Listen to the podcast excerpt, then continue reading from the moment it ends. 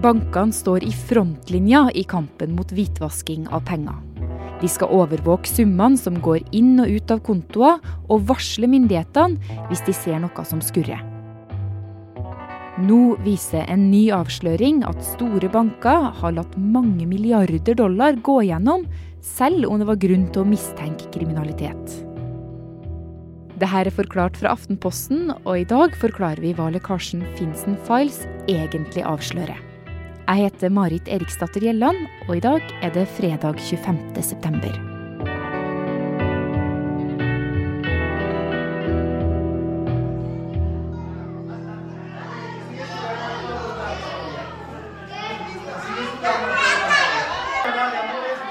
Rommet er fullt av barn som leker på fargerike tepper, og som maler trebokser i rødt, blått og gult. Fargene til det venezuelanske flagget.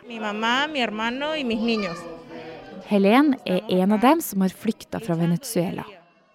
Med broren, mora og barna sine så har hun reist mer enn 2500 km til Bolivia for å søke asyl.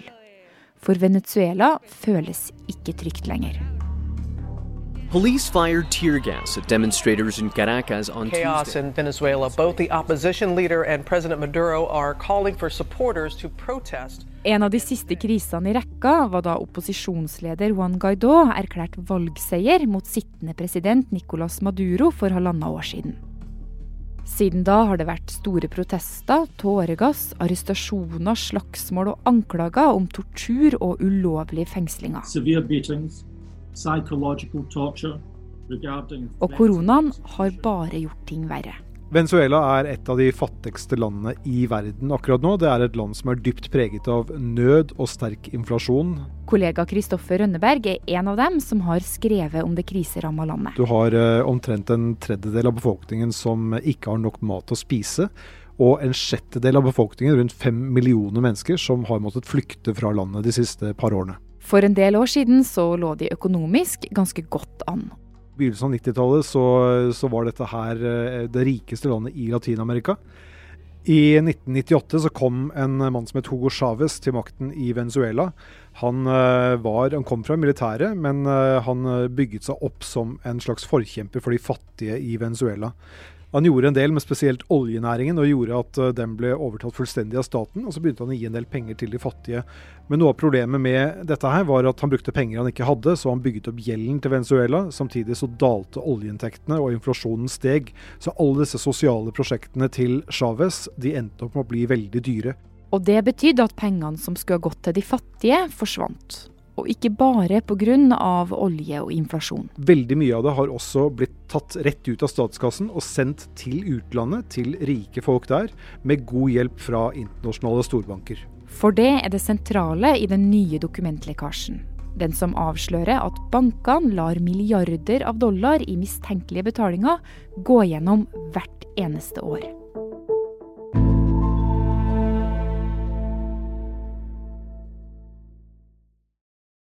Jeg var faktisk eh, på ferie i Trøndelag hjemme hos min mor. Eh, Men jeg hadde ikke slått av varslene på telefonen, så jeg fikk en eh, e-post fra prosjektlederen i ICIJ som spurte om jeg kunne ringe på en eh, kryptert linje.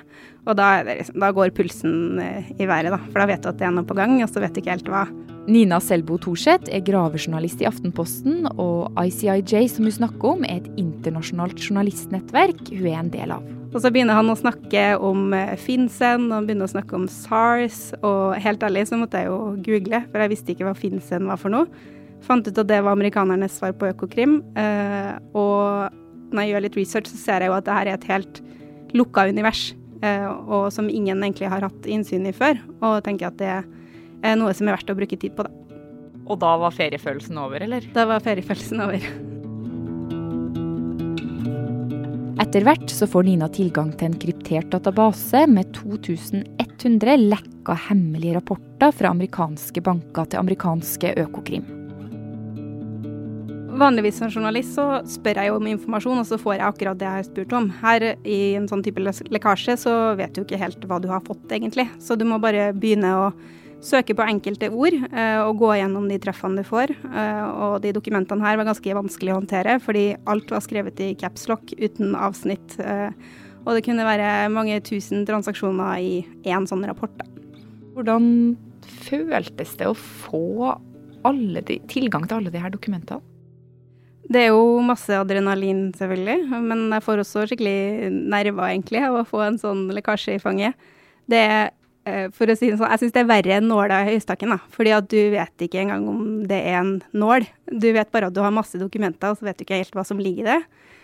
Og så er jo den saken, de sakene vi kan få ut, det er helt avhengig av hva jeg søker på, f.eks. For eksempel, fordi lekkasjen er så stor da, at vi kan ikke gå gjennom alt. Så vi er nødt til å søke og forhåpentligvis få treff for å kunne finne saker. Da. Så hva var det første du søkte på da, når du fikk tilgang? Jeg begynner alltid litt sånn banalt å søke på Norway. Og de her amerikanske bankrapportene Nina og de andre journalistene har gått gjennom, heter MT-rapporter for mistenkelig transaksjon. Og det bankene mistenker, er hvitvasking. Det handler jo helt enkelt forklart om å få et kriminelt utbytte til å se ut som lovlige penger. Og hvis du f.eks.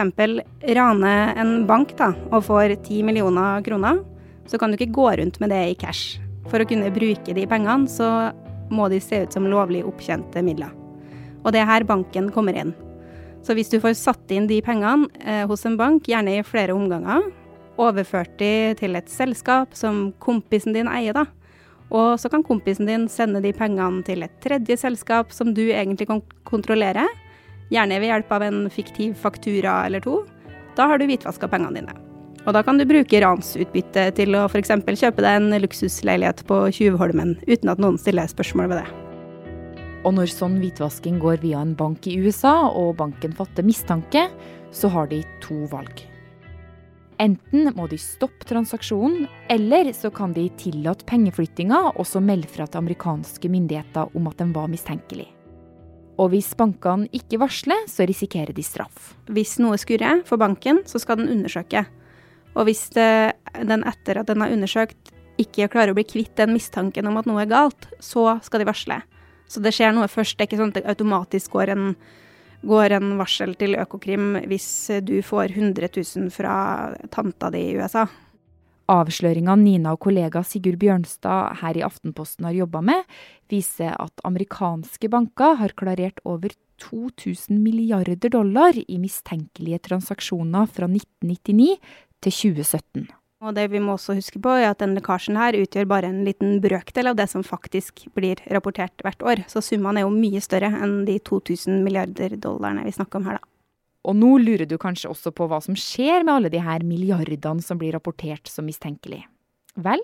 Vi ser jo som du sier at bankene rapporterer, men likevel lar overføringene gå gjennom. Og når eh, de kriminelle har klart å hvitvaske pengene sine, så vet vi jo at de bruker de gjerne på å investere i luksuseiendom, eller dyre biler, klokker, kunst og den type ting. Og i Venezuela sitt tilfelle, der flere milliarder har forsvunnet fra statskassa, så er noen av pengene kobla til investeringer i Florida i USA, forteller Kristoffer Rønneberg.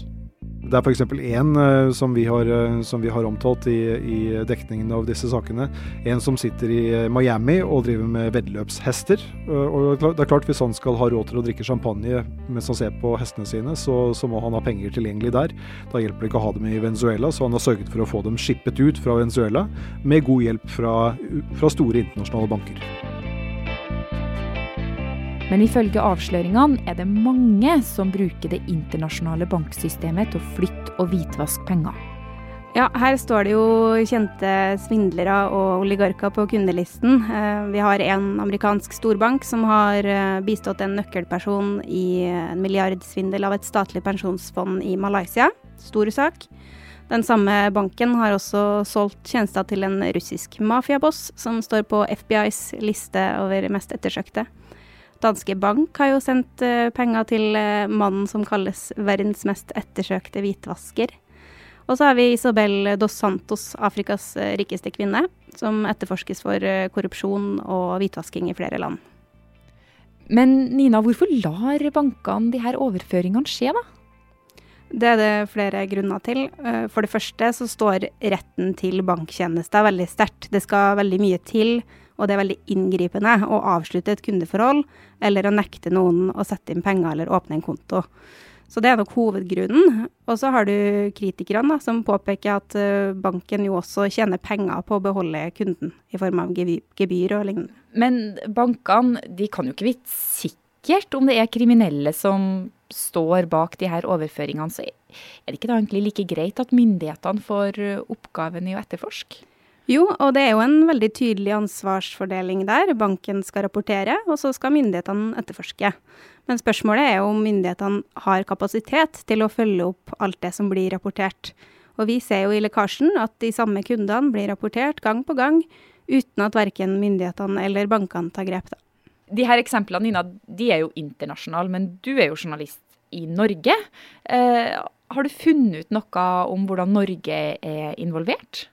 Ja, Norge er jo involvert først og fremst gjennom DNB, Eh, fordi når DNBs kunder vil overføre eller ta imot penger i dollar, så går de pengene gjennom en bank i USA. Og det er det som har skjedd her, at eh, DNBs kunder har sendt eller tatt imot dollartransaksjoner som amerikanske banker mener er mistenkelige. Totalt så er det snakk om 1 milliard kroner, og det har gått fra DNB i Norge, men også DNB i Litauen og London og de andre kontorene til DNB. Hvem er det som står bak eh, alle de her mistenkelige transaksjonene via DNB, da?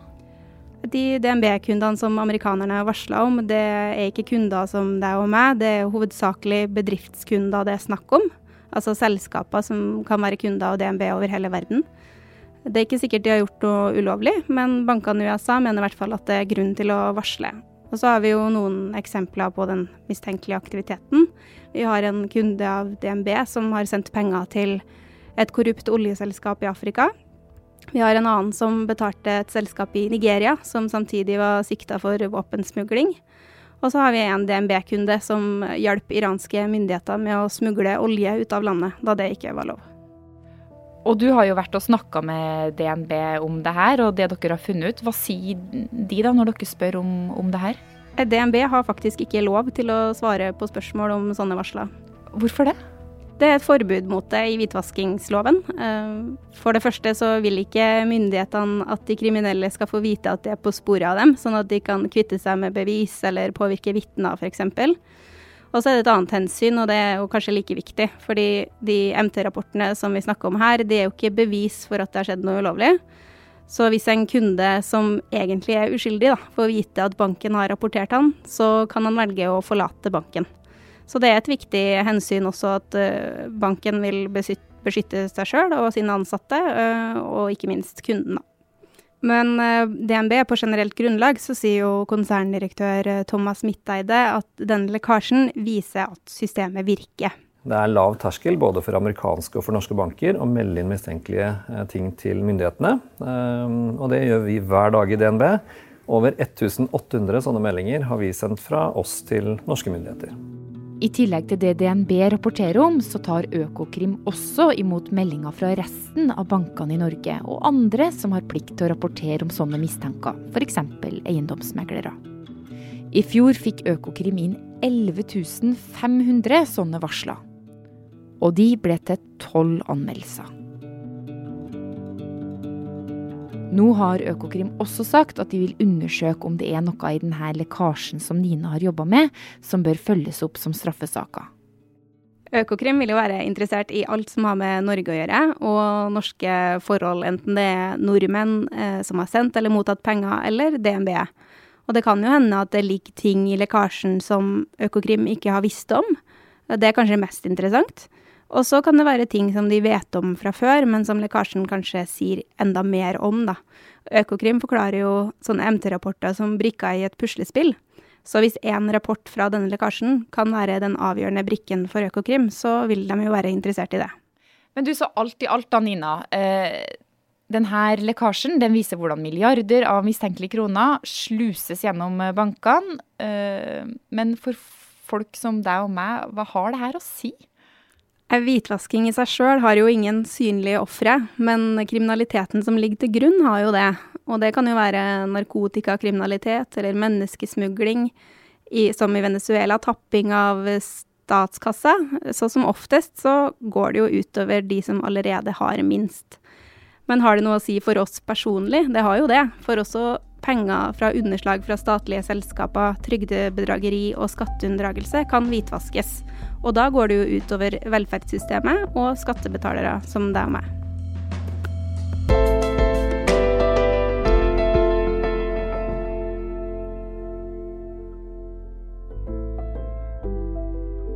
Denne episoden her er laga av produsent Anne Lindholm og meg, Marit Eriksdatter Gjelland. Resten av Forklart-gjengen er Andreas Bakkefoss, Fride Nesten Onsdag og Karoline Fossland.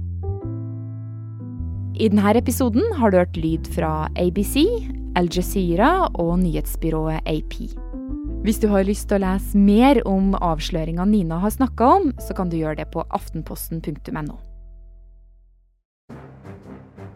Ja, Kjetil, hva har vi snakka om denne uka her? Nei, vi har snakket, uh, måtte jo snakke om rettssaken mot uh, Bertheussen og dette venninnenettverket som nå er i full oppløsning. Det er jo spennende. Nei, det er ikke lett. Nei. Nei. Altså, vi har snakket litt om klimaaktivisme og Extinction Rebellion, og fått vite hvorfor Kjetil Alstheim havna på glattcelle i sin ungdom. Jeg var uskyldig! Denne uken, Aftenpåden, du hører den der du hører podkast.